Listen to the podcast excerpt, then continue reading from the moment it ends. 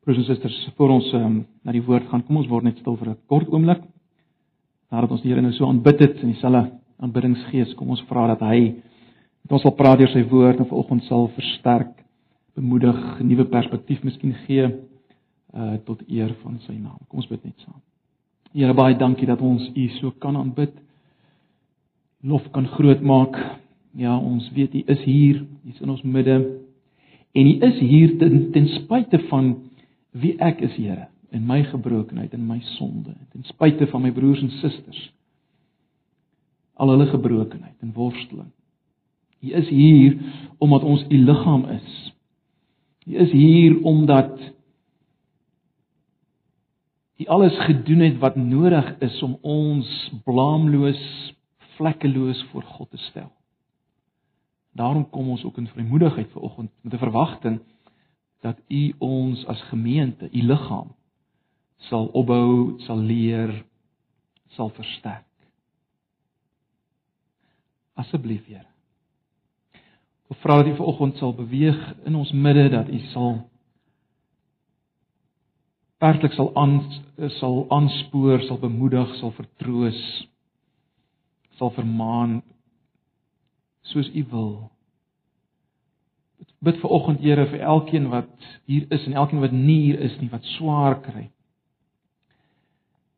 Wat worstel, wat ly, wat siek is. Ek ken elkeen. Ag, ek dink vir oggend op net spesifiek aan hom, Eddie en tannie Herma. Hulle beproewinge. Ag, Here, wees naby hulle. En al die ander almal wat moet ingaan vir operasies nou binnekort weer hierdie week. Ken hulle, Here. Dankie dat ons hulle nie kon opdra en kan weet U sal by hulle wees. Ag Here, nou nou is ons verwagting van U. Kom praat met ons in Jesus se naam. Amen.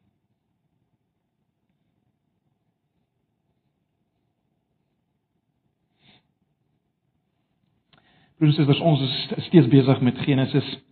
Uh ek moet sê ons uh, ons is amper klaar nou met Genesis. Uh, ons is hier teen die einde, sal julle weet. Ehm um, dalk nog een of twee geleenthede oor Genesis ons sal sien. Ehm um, volgende blaai ons na Genesis 45.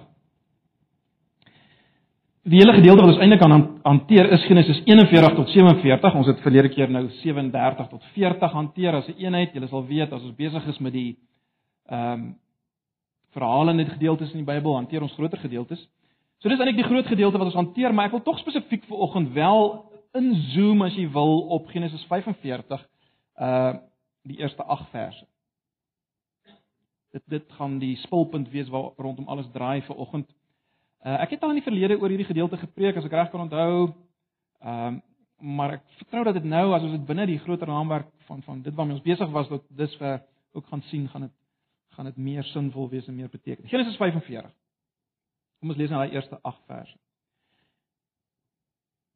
Dit is natuurlik nou Josef wat hom bekend maak aan sy broers, nê, nee, ons ons ken die die konteks. Josef kon homself vers 1 nie langer bedwing voor die mense wat hom bedien het nie. Hy het hulle almal beveel om van hom af weg te gaan en daar was van die wat hom gedien het nie een by hom toe hy hom aan sy broers bekend gemaak het nie. Hy het so hard gehuil dat die Egiptenaars en die mense in die Farao se paleis dit gehoor het.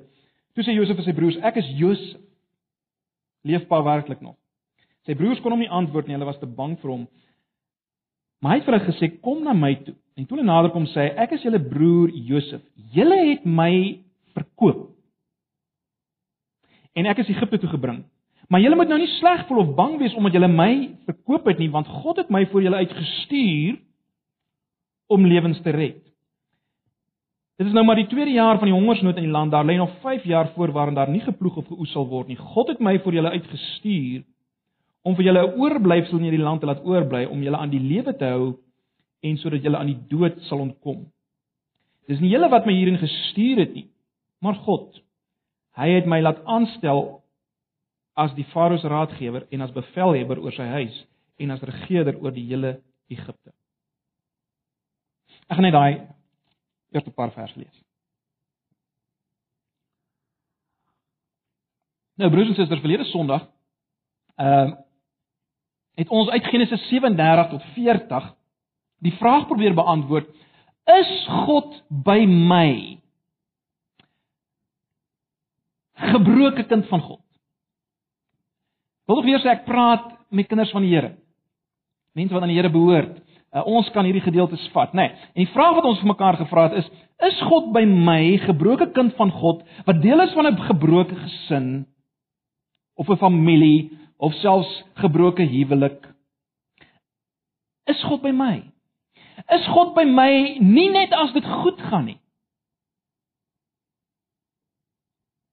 Maar ook as as dit lyk asof alles in mekaar tuimel en alles loop verkeerd. En dit lyk nie asof daar lig in die tonnel is nie en dit hou aan en aan en aan en aan. Is God dan by my?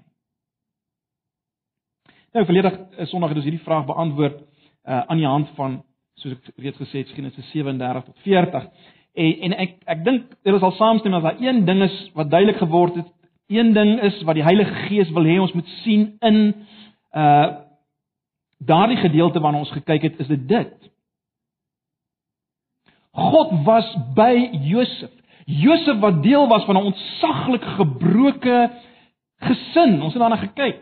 Dink maar net aan die dinge wat daar gebeur het en wat sy broers aan hom gedoen het. Dit was 'n gebroke klomp. Was God se mense op aarde, ja. Maar gebroken, stukke. En God was by Josef. En let wel, ons het gesien God was nie net by Josef toe dit goed gegaan het en hy klim die leer van sukses daar in Potifar se huis. Ons het gesien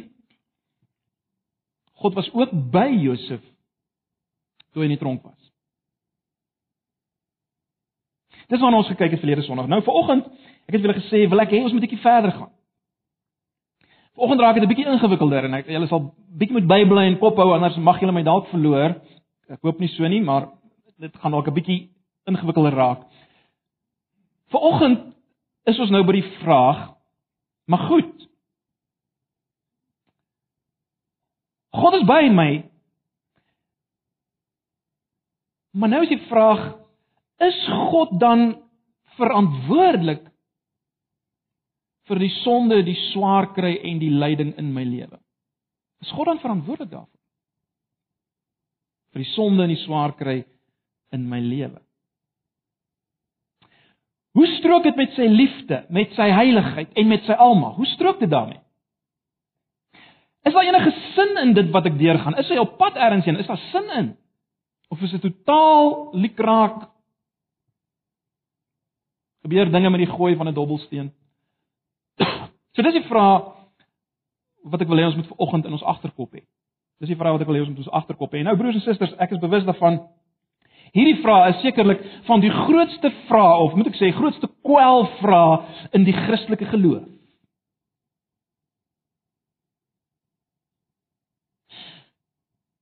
Dis seker die nommer 1 vraag wat mense gebruik om te sê dis hoekom hulle nie in God glo nie. Dis hoekom hulle nie wil Christene wees nie.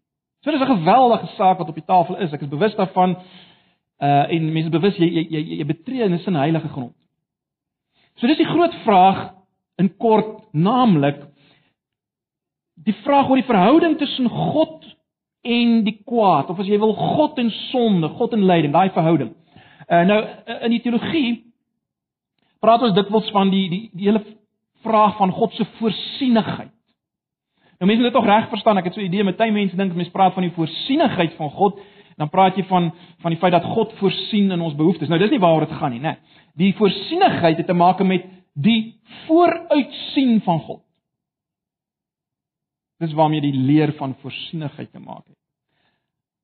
Ag gewoonlik word in ons kringe dit wat ons bedoel of dit wat bedoel word met die voorsienigheid van God word sommer uitgedruk met met met die hele gedagte van God se soewereiniteit en so meer. Nou broers en susters, die ou volksdigter Tosius, ek weet nie of Tosius meer gelees word in ons dae nie. Uh Tosius het 'n het 'n aangrypende digbundel geskryf. As jy hom ooit in die hande kan kry, vir alles hierdie deur geweldige swaar tye gaan. Uh die digbundel is se naam is Passieblomme. Maar na die dood van een van sy kinders, julle sal weet, uh, ek dink hy drie kinders verloor. uh na die tragiese dood van een van sy kinders, dink as deur die weerlig, een van die weerlig doodgeslaan is.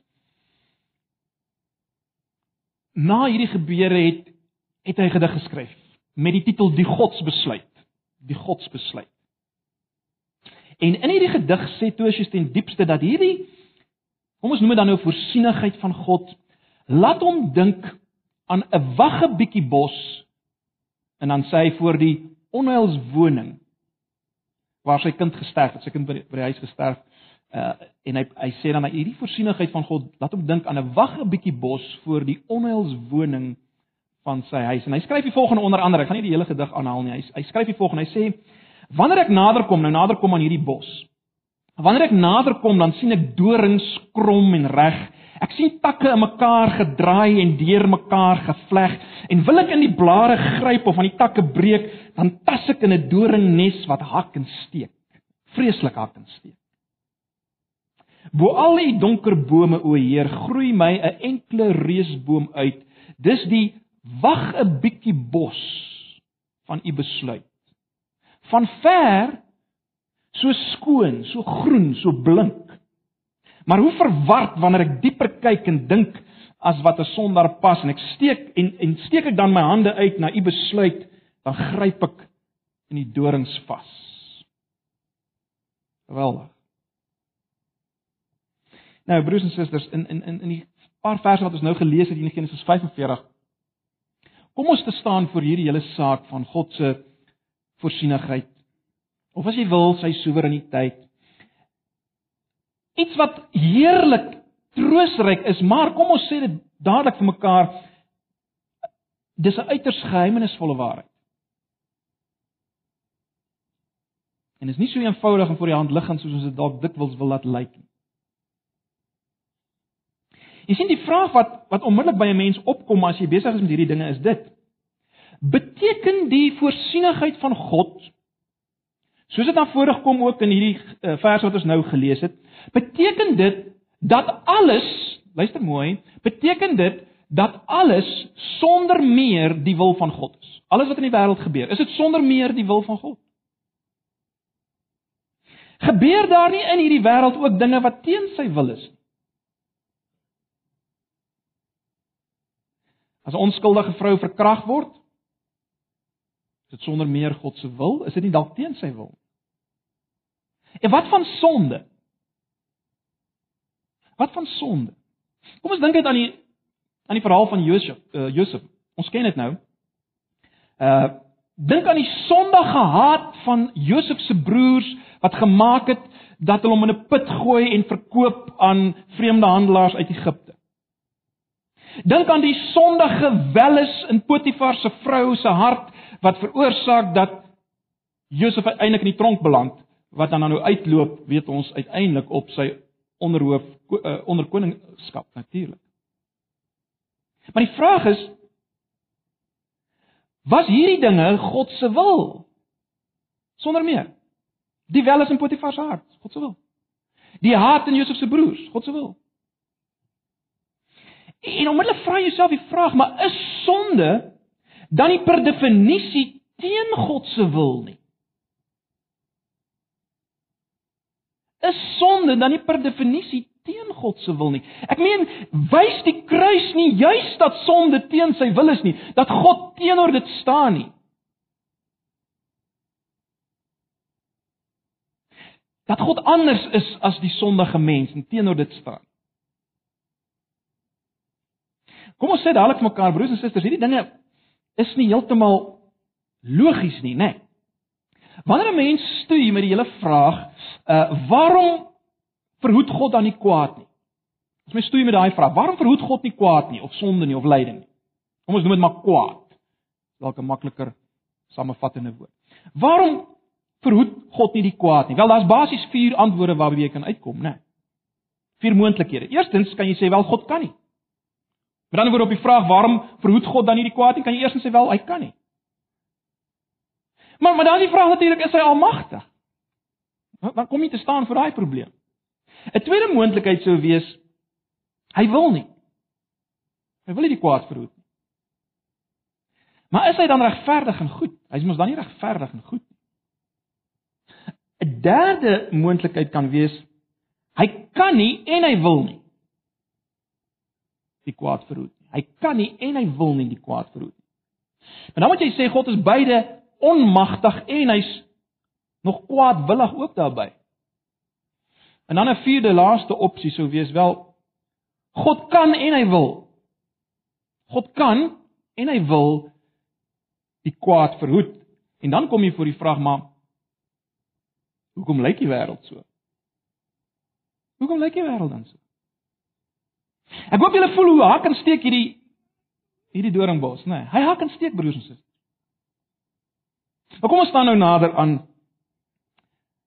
aan die gedeelte wat ons gelees het en in die groter konteks. As ons kom by die Josef verhaal, broers en susters, is baie belangrik dat ons nie uh ons laat verlei by wyse van spreuke deur die goeie einde van die Josef verhaal om te dink of om te vergeet, as ek dit so kan stel, om te vergeet van van al die smart wat voor die onderkoningskap deur Josef beleef is. Dit was 'n lang en pynlike pad, hoor. Moenie 'n fout maak nie. Dit was 'n lang en pynlike pad vanaf die die velde van Dothan tot die onderkoningskap in Egipte. Dit was lank en pynlik genoeg, kom ek stel dit so, om van Josef 'n bitter, siniese en verbitterde mens te maak. 'n Uiters verbitterde en siniese mens te maak. Kyk, op 'n of ander wyse kry ons dit mos reg om om te glo en en te praat oor die oor die bestaan van God en sy liefde. Al lees ons al die rowwe goed in die koerante, solank dit my nie tref nie. Sien dit in die koerant, ons lees in die koerant en ons sien dit op die televisie, maar solank dit my nie tref nie, is dit maklik om daaroor te praat en dit te bely. Maar as dit my tref, hoe vinnig raak ons nie verbitterd nie. Nee. Maar goed, as ons kom by Josef, broers en susters, van skeptisisme en sinisisme is daar geen spoor by Josef nie. Julle sou gesien het as julle dit nou alles deurlees. Daar's geen spoor van skeptisisme en soort van 'n siniese uitkyk op die lewe. Jy kry dit nie. Uh, ons sien dit nie noodwendig in ons uh, die paar verse wat ons gelees het nie, nê. Nee. Waar sien ons dit? Ons sien dit in sy optrede gedurende die regtig moeilike tye. Kyk, hier gaan dit nou alweer beter met hom in die gedeelte wat ons gelees het. Maar ons sien dit uit sy optrede let wel in die moeilike tye uh wat hy deurgegaan het. Daar is dit baie duidelik dat Josef nie sy rug op God gedraai het of sy rug gedraai het op die mense rondom hom. Dit is baie duidelik daar, né? Uh julle sal onthou, ons het ons het uh, dit raak gesien, nou nie alles gelees nie, maar in daardie gedeeltes in die vorige gedeelte sien ons hoe Josef uh, geïnteresseerd en betrokke bly by sy medemens. Ek meen dink net in in in in in Potifar se huis dien hy Potifar na die beste van sy vermoë. En uiteindelik as hy in die tronk beland, dan is hy 1 2 3 is hy die regterhand van die tronkbewaarder. En as hy skinker en bakker ingegooi word in die tronk, is fascinerend om dit raak te sien. Uh hulle het geweldige ontstellende drome in die nag en dan dan maak Josef 'n opmerking. Miskien kan julle net kyk daarna in Hoofstuk 40 vers 7. Om te sien hoe hoe ingesteld en sensitief is Josef nog. Genesis 40 vers 7. Hy het vir die twee wat saam met hom in die tronk was, die amptenare van die farao gevra: "Waarom lyk julle vandag so bedruk?" Hy self daar in die tronk, onskuldig, maar hy reik uit na hulle. En uiteindelik weet ons dan kom hy met allerlei praktiese noodlenigings voorstelle, nê, hoe hy uh, hoe hulle hierdie dreigende droogte kan hanteer. Nou die vraag onmiddellik is broers en susters, hoe op aarde is dit moontlik? Hoekom stort Josef se hele wêreldjie nie in duie en gaan sit in 'n hoek nie? En ek dink die gedeelte wat ons gelees het verklap as te ware die geheim, né? Nee. Hoekom nie? Wel, diep in sy hart het Josef geweet dat ten spyte van al die vrae wat hy het, verseker ons het verlede keer het gesê, verseker moes hy twyfelvrae gehad het. Maar ten spyte van dit alles het Josef geweet God self is op die een of ander wyse betrokke by wat met my gebeur. En ons het verlede Sondag daarna gekyk, nee, ons het gesien dat dat dat die uh, die die skrywer maak dit vir ons baie duidelik dat uh dat God dig by Josef was. Nee, dink aan hoofstuk 39 vers 21 waar daar eksplisiet gesê word dat God het Josef sy troue liefde laat beleef selfs in die tronk. Net wel God het nooit met Josef gepraat nie. God het hom sy troue liefde laat beleef in die tronk.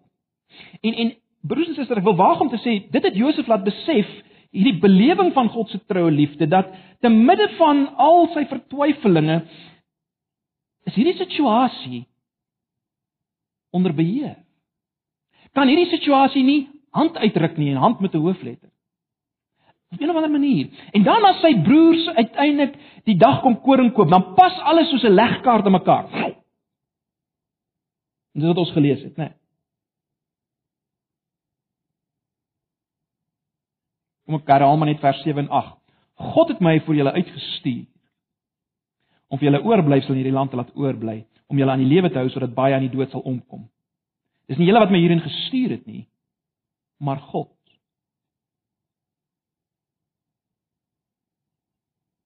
Maar nou let nou op.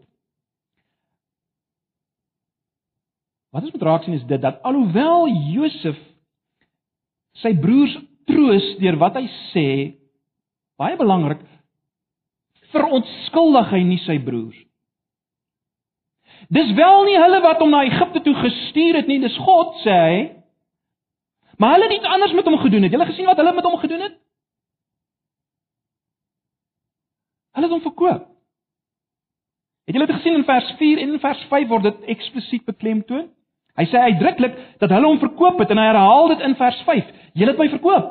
Twee keer. Julle het my verkoop. Julle het my verkoop. Let wel broers en susters, Josef sê nie God het hom verkoop nie. Baie belangrik. Josef sê nie God het hom verkoop nie.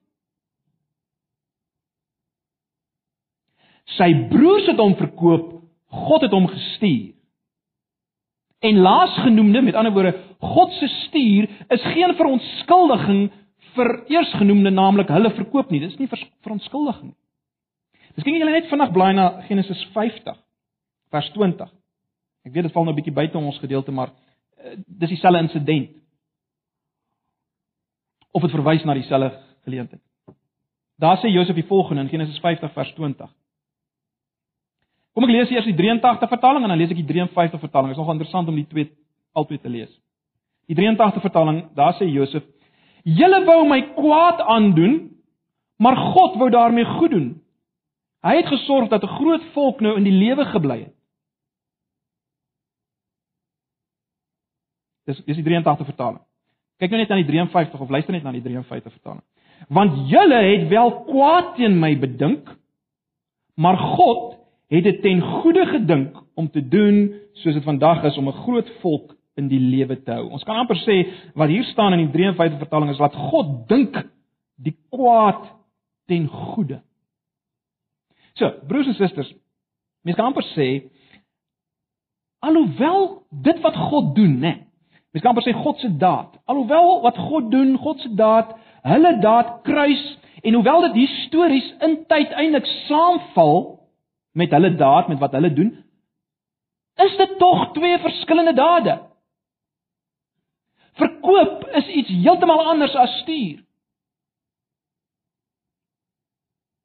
En daarom in die lig daarvan dink ek tog dat ons moet versigtig wees broers en susters om luister na my woorde om reglynig 'n lyn te trek tussen wat gebeur en God se wil. Met ander woorde, ons moet pas op om 'n lyn reglynig alles wat gebeur toe te skryf aan dis God se wil. Want die Bybel doen dit nie so nie. Kom ek gee julle net een of twee vinnige voorbeelde. In die Nuwe Testament in 1 Tessalonisense 2 vers 18, dan dan kla Paulus dat hy te vergeefs gepoog het om die gemeente te besoek. En dan sê hy nie dit was God se wil dat ek nie die gemeente besoek het nie. Hy sê die Satan het my verhinder om die gemeente te besoek. Alraai? Ek dink aan aan Jeremia 7 waar uh, op 'n stadium die daar verwys word na die volk wat hulle kinders vir die vir 'n afgod geoffer het en dan sê God so iets het nooit eers in my gedagte opgekom nie. So is geen manier hoe jy kan sê dit was God se wil dat hulle hulle kinders geoffer het aan die gode nie.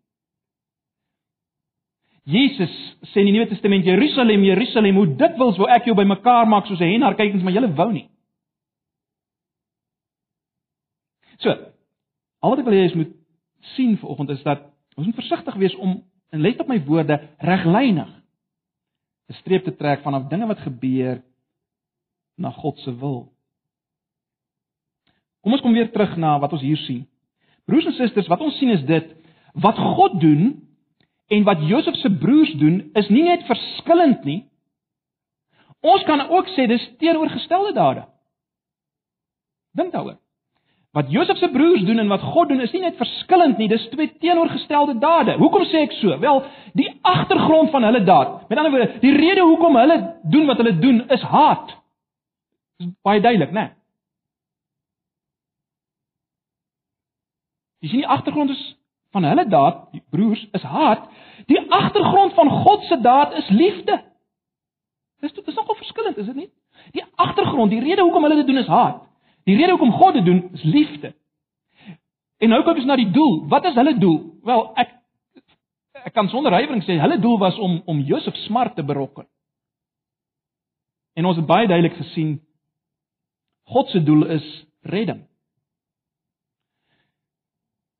Mens sou kon sê dit wat hulle doen is eintlik 'n onheilsdaad en dit wat God doen is 'n heilsdaad. Dit het redding in fokus. Maar nou, baie belangrik. Ek dink daarom kan ons sê broers en susters dat wat God doen, God se daad kruis nie net hulle daad histories nie. Dit deurkruis ook nie net hulle daad in die sin dat God hulle daad uitkanselleer nie. Streep daardeur trek. Dis nie wat gebeur nie. Nee, luister mooi. Wat God doen, sy daad deurkruis hulle daad in so sin dat hy die negatief van hulle daad verander in 'n positief. Dis wat God doen. Right?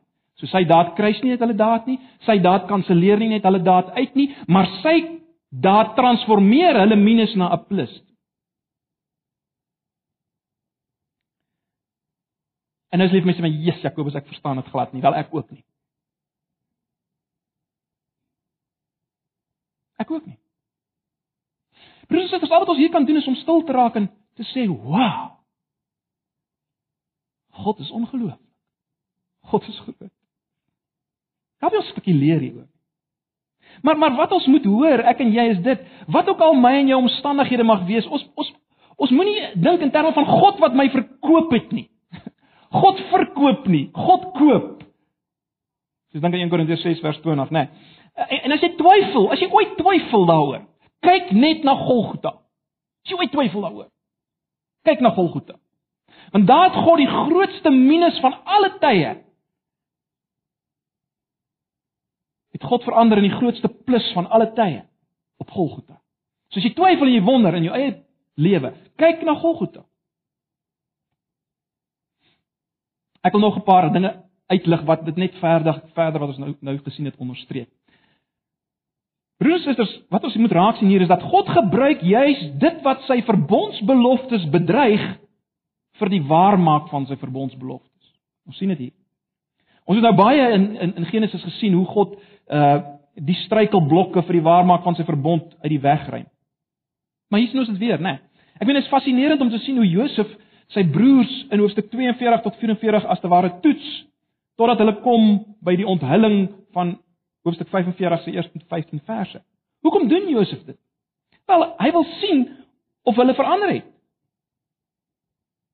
En wat die skrywer vir ons wil laat sien deur of wat die Heilige Gees ons wil laat sien deur hierdie gedeelte is dat God het die struikelblok van hierdie ouens se hele se karakter, as jy dit so kan stel. God het dit uit die weg geruim deur hulle te verander. Hulle hele gesindheid te verander. Maar is meer as dit wat hy doen. Né? Nee. Hy die struikelblok van hierdie ouens se misdade teen Josef, al daai goed wat hulle in jaloesie gedoen het, God het daardie struikelblok wat ook in die pad van die verbond se waarmaak lê. God het daai struikelblok weggerol. Hoe? Deurdat hy daai selfde kriminele dade inspann om sy plan te volbring. Dit deur kruis soos ons nou net gesien het. So, die punt is God gebruik juist wat sy verbondsbeloftes bedreig om dit waar te maak. Geweldig. Net nog iets wat ons moet raak sien. Ek het nou reeds gesê dat Josef en dis baie belangrik. Ek het gesê Josef verontskuldig nie sy broers nie. Wat hulle doen is nie 'n verontskuldiging nie. En hoekom ons dit kan sê is is die volgende: Broers en susters, God maak nie net sy verbond waar en sy verbondsbeloftes waar deur alles heen nie, maar hy bly werk as jy wil verbondsmatig. Wat bedoel ek daarmee? Ek bedoel daarmee God neem ons as sy kinders wat in 'n verbondsverhouding met hom staan, hy neem ons ernstig op. Hy hanteer ons nooit as stokke nie. Hy hanteer ons nooit as poppe nie. Alraai, dis belangrik. Hy hanteer ons nie so nie. Ons maak keuses en ons dra die die konsekwensies daarvan. In 'n sin geld dit nie net vir ons as mense wat in 'n verbondsverhouding met hom staan deur Jesus in die nuwe verbondsverhouding nie. Dit geld in 'n sin, in 'n breër sin eintlik vir alle mense wat geplaas is op die aarde as rentmeesters, al al wil hulle niks daarvan weet nie, hulle gaan uiteindelik rekenskap gee voor God. So die punt is dit.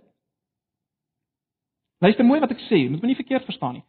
God bind homself in 'n sekere sin aan sy verbonds of in sy verbondsverhouding met sy mense. Kom ek kom ek probeer dit verduidelik. As God elke keer sou ingryp en en en ons verhoed dat ons verkeerde keuses maak en foute maak en sonde maak en hy hy doen dit alles vir ons, wat wat dan? Dan sou God die verbondsverhouding oortree. Dan neem hy ons nie meer ernstig op as mense wat in 'n verbondsverhouding met hom staan nie. Nee, dan is ons poppe. Dan is ons stokke. En God werk nie so nie.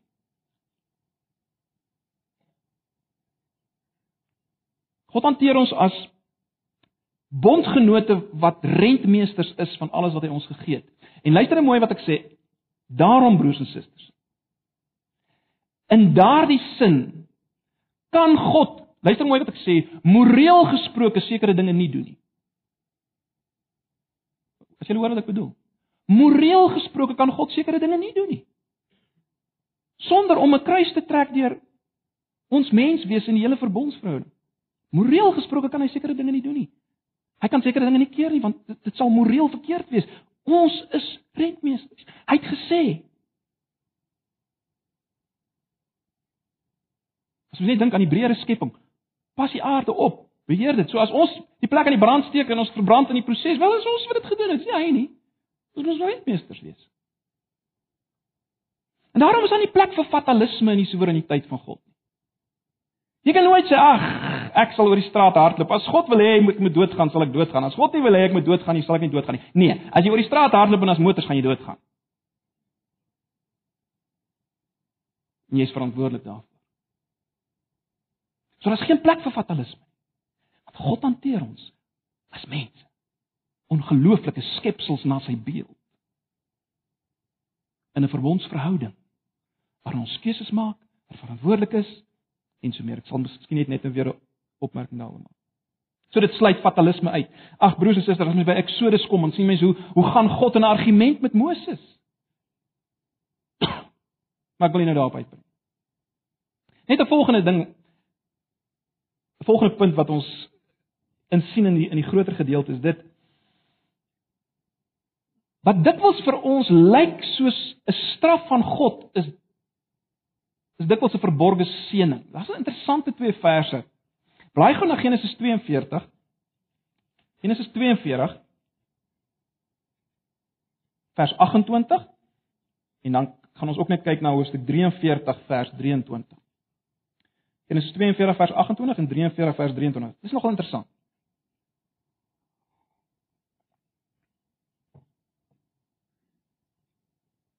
Toe sê sy toe ehm uh, sê hy vir sy broers: "Kom kyk hier, my geld is teruggesit in die sak."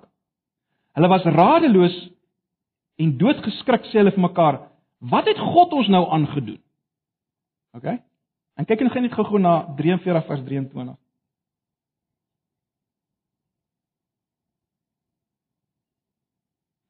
Toe sê die amptenaar vir hulle: "Wees gerus, moenie bekommerd wees nie. Julle geld het by my uitgekom en dit is julle God, die God van julle voorvaders wat 'n skat in julle sakke gesit het." Hoe hoekom verwys ek nou na hierdie interessante insident? Dis maar net broers om te wys dat hier kom hulle sy broers tot die konklusie in in hoofstuk 42 vers 28 dat dat uh, dat God hulle eintlik wil straf en in in vers 23 van vers 43 sien ons dat dit was eintlik 'n verborgde seëning. Wat hulle beleef het, wat hulle gedink het is God wat hulle straf toe die bekers teruggesit is in hulle sakke was 'n seëning van God. En dis eintlik maar die punt wat Genesis 45 vers 5 tot 8 wil onderstreep. Maar nou, baie belangrik, 'n laaste groot punt.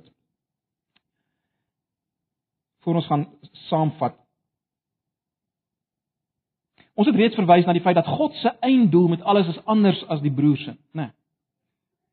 Maar ek wil hê julle moet weer luister daarna. Ek gaan dit nou met klem vanaf vers 5 lees. Maar julle moet nou nie sleg voel of bang wees omdat julle my verkoop het nie, want God het my vir julle uitgestuur, luister nou, om lewens te red. Vers 6. Of kom ons lees net vers 7.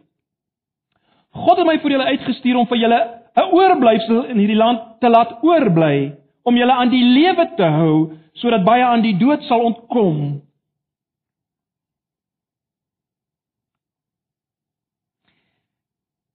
Dit is fascinerend as mens daaraan dink terug in, in Genesis 37 vers vers 14 eh, is Josef eintlik gestuur om te gaan omsien na die welfaart van sy broers. Maar daar was geen manier hoe jy daar kon weet wat uiteindelik sou gebeur as jy kyk na hoofstuk 47. Uh miskien kan jy net vinnig daarna kyk hoofstuk 47 vers 11 en 12 wat mens daar lees.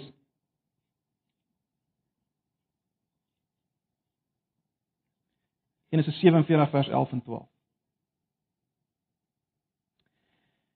Josef het sy pa en broers in Ramses laat woon. Hy het vir hulle in die beste deel van Egipte eiendom gegee soos die farao hom beveel het. Hy het sy pa en broers, sy hele familie met kinders en al van kos voorsien.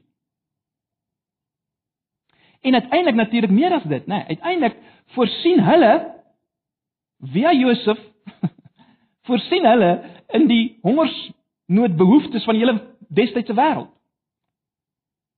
'n Geweldige afbeelding van waarmee God besig is. Hulle voorsien in die behoeftes van die hele wêreld in daai tyd. So broers en susters, hoekom ek hierdie ding uitlig is maar net om om te beklemtoon Die God waarmee ek en jy te maak het binne die verbond uh is 'n God wat staan vir lewe, is 'n God wat staan vir redding, is 'n God wat staan vir verlossing. Hy maak sy verbondsbeloftes, dis wat hy waar maak in en deur alles. Hy maak sy verbondsbeloftes waar in en deur alles. En waarvoor is hy verbond gesluit? Sy verbond is gesluit om te red of of as jy nog verder teruggaan, sy verbond is gesluit uiteindelik met Abraham om die vloek van die sondeval om te keer. Hy wil die vloek verander in seën. Daarom weer en weer word daar gepraat van die seën. Die eerste keer as hy met Abraham praat, word dit 7 keer genoem of of 5 keer genoem seën. God wil die vloek omdraai en seën gee en dis baie belangrik om dit raak te sien. So God staan vir seën teenoor vloek. Hy staan daar. En ons weet die uiteindelike broers en susters, die uiteindelike seën van van die verbondsbeloftes is is is die seën van al die nasies deur die nageslag van Abraham. Dis hoekom die volk hier aan die lewe gehou is. Deur die sondige dade van die broers heen. Dis hoekom om uiteindelik 'n seën vir al die nasies te wees. As die Here wil, sal ek volgende Sondag dat ons fokus op op wat met Jesus gebeur as die sleutel vir ons verstaan van van al hierdie dinge, maar onthou net Uiteindelik is Jesus Christus die een die eindpunt van die verbond.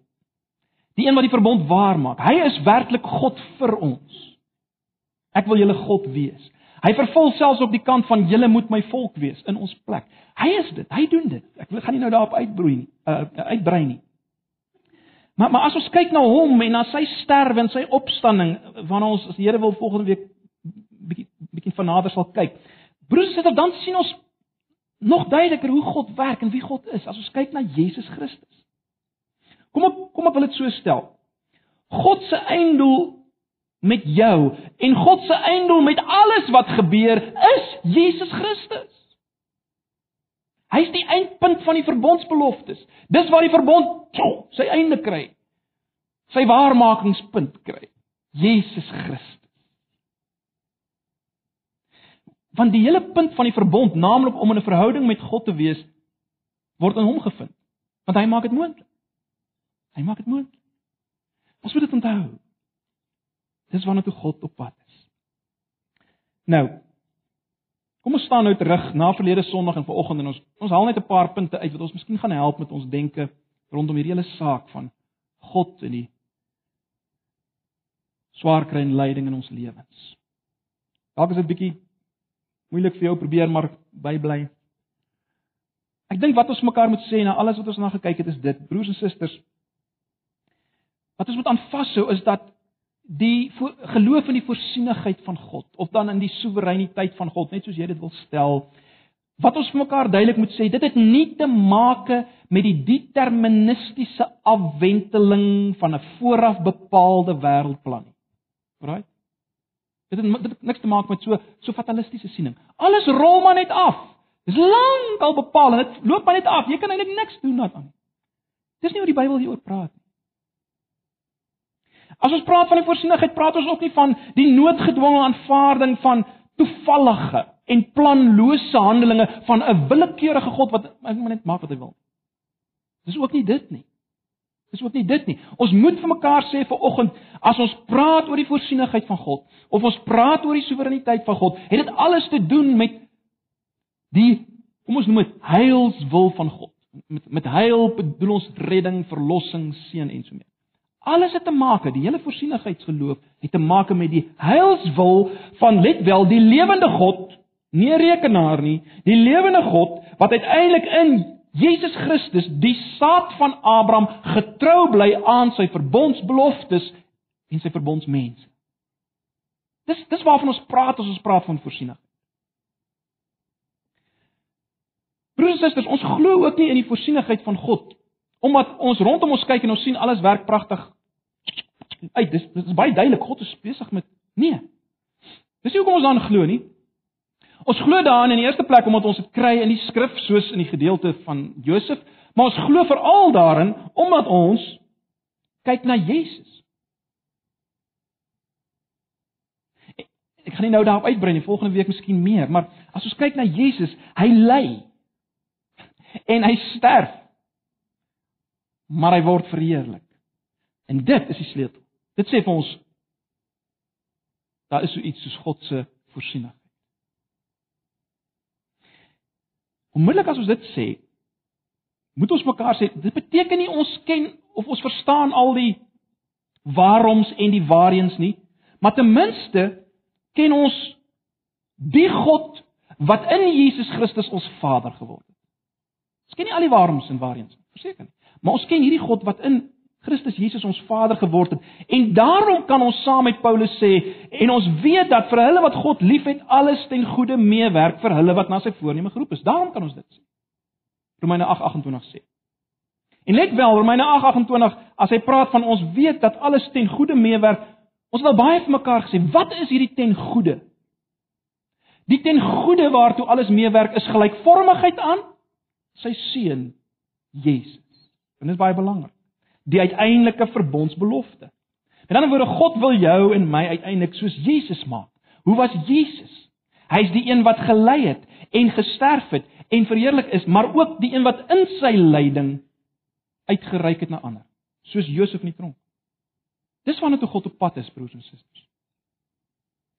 In Romeine 8 vers 28 bevestig natuurlik dat God sal sorg daarvoor dat sy heilswil nie misluk nie nie verydel word. En daarom is hy in beheer van alles. En hy laat alles ten goeie meewerk en en hierdie alles gaan oor meer as net die dinge wat oor ons pad kom. Dit gaan oor meer. Dit gaan dit dit dui op die totale karakter van van die beheer van God met die oog op daardie heil wat hy wil in Jesus. God is in die mees allesomvattende sin teenwoordig en werksaam. Ja, God is ook teenwoordig en werksaam teen dit wat sy wil probeer teenstaan. En daar is sulke dinge, né? Nee, ons het net mekaar gesê. Maar God is ook daarin werksaam. Hy's teenwoordig en hy's werksaam. Oor sy teenwoordigheid uh verlede Sondag het ek al verwys na Jesus se uitspraak. Uh as hy sê in in Matteus 10 vers 29 30 selfs 'n mossie val nie op die aarde sonder my Vader nie. Let wel ek uh, die die nuwe vertaling vertaal dit met sonder die wil van God nie, maar dis nie wat daar staan nie. Daar staan net selfs 'n mossie val nie op die grond sonder my Vader nie. Dis al wat daar staan in die Grieks. Sonder my Vader nie. En dit sê vir ons God is daar as die mossie val. God is in beheer as die mossie val. Beteken nie hy laat die mossie val. Maar hy's daar. Hy's in beheer. En hy gebruik dit.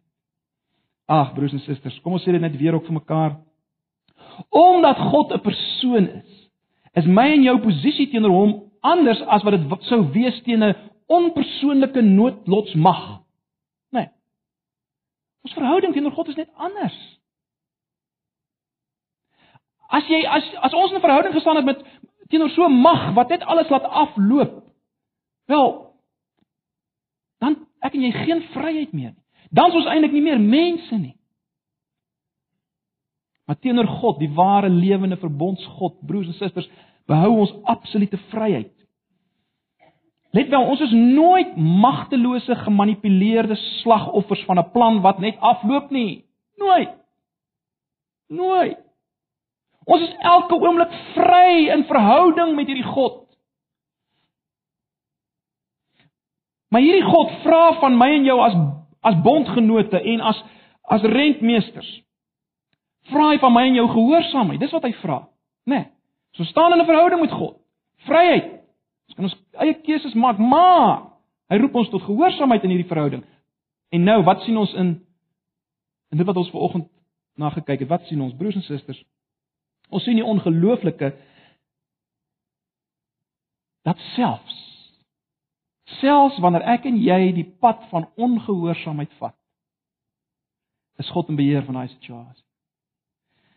Jou en ander rondom se weerstand en die gevolge daarvan deurkruis God op so 'n manier dat dit sy doelwitte dien. Hy deurkruis dit en hy maak van daai minus 'n plus om uiteindelik sy doel te bereik van heil. Jesus Christus. En ja, hierdie goed vat baie tyd. Want God maak klaar met wat hy begin het. Hy hy gaan voort met ons as mens, as bondgenoot. Hy, hy skakel ons nie net uit en sê, "Ag, ek gaan alles nou regmaak." Nee. Dis ook met so alles so lank vat vir ons so oneindig lank voel. Maar hier dan moet ons vashou. Ag, broers en susters, ek ek wil nie langer aangaan nie. Kom ek sluit net af met 'n laaste opmerking. Ek weet dis baie van julle wat worstel met hierdie tipe vrae. Miskien nie hardop nie. Hoekoms en waaroms in jou lewe? Ek wil hê jy hou net vanoggend vas hieraan. Aan alles wat ons nou gesien het. En my gebed is dat dat die geloof in dit wat ons vanoggend gesien het, jou optrede gaan bepaal in die dinge wat met jou gebeur. Wat dit ook al mag wees. Dis my gebed. En ag broers en susters, kom ons vertrou God. Kom ons hou aan hom vas. Kom ons weet hy wil uiteindelik vir my heil. En wat is daai heil? Dis hier en nou Jesus Christus in my. Hy wil dit. Hy wil Jesus in my laat gestalte kry. Die Jesus, die werklike Jesus wat gelei het en swaar gekry het, maar in daai lyding en swaar kry liefde openbaar het. Hy wil dit in jou doen nou en uiteindelik wil hy jou ook verheerlik soos hy Jesus verheerlik het. Dis wanneer jy op pad is. Hou daaraan vas. Dis wanneer jy op pad. Ag,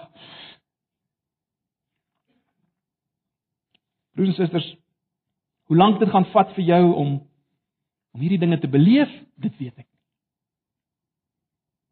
God werk met ander tydskema as ons.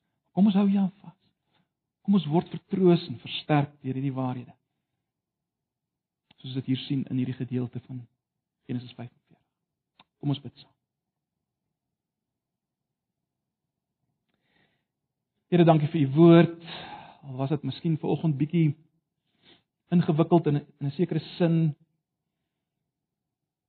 Baie dankie dat ons tog vertroos kan word deur hierdie waarheid. Dankie dat ons kan weet wat ook al met ons gebeur, kan U hand uitruk nie.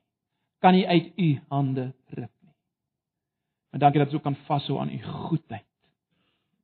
U liefde. Al gebeur wat met ons. Dankie daarvoor, Here. Wil u self nou hierdie woord gebruik om te bemoedig en te versterk, te vertroos en aan te vuur, soos wat u wil in Jesus se naam.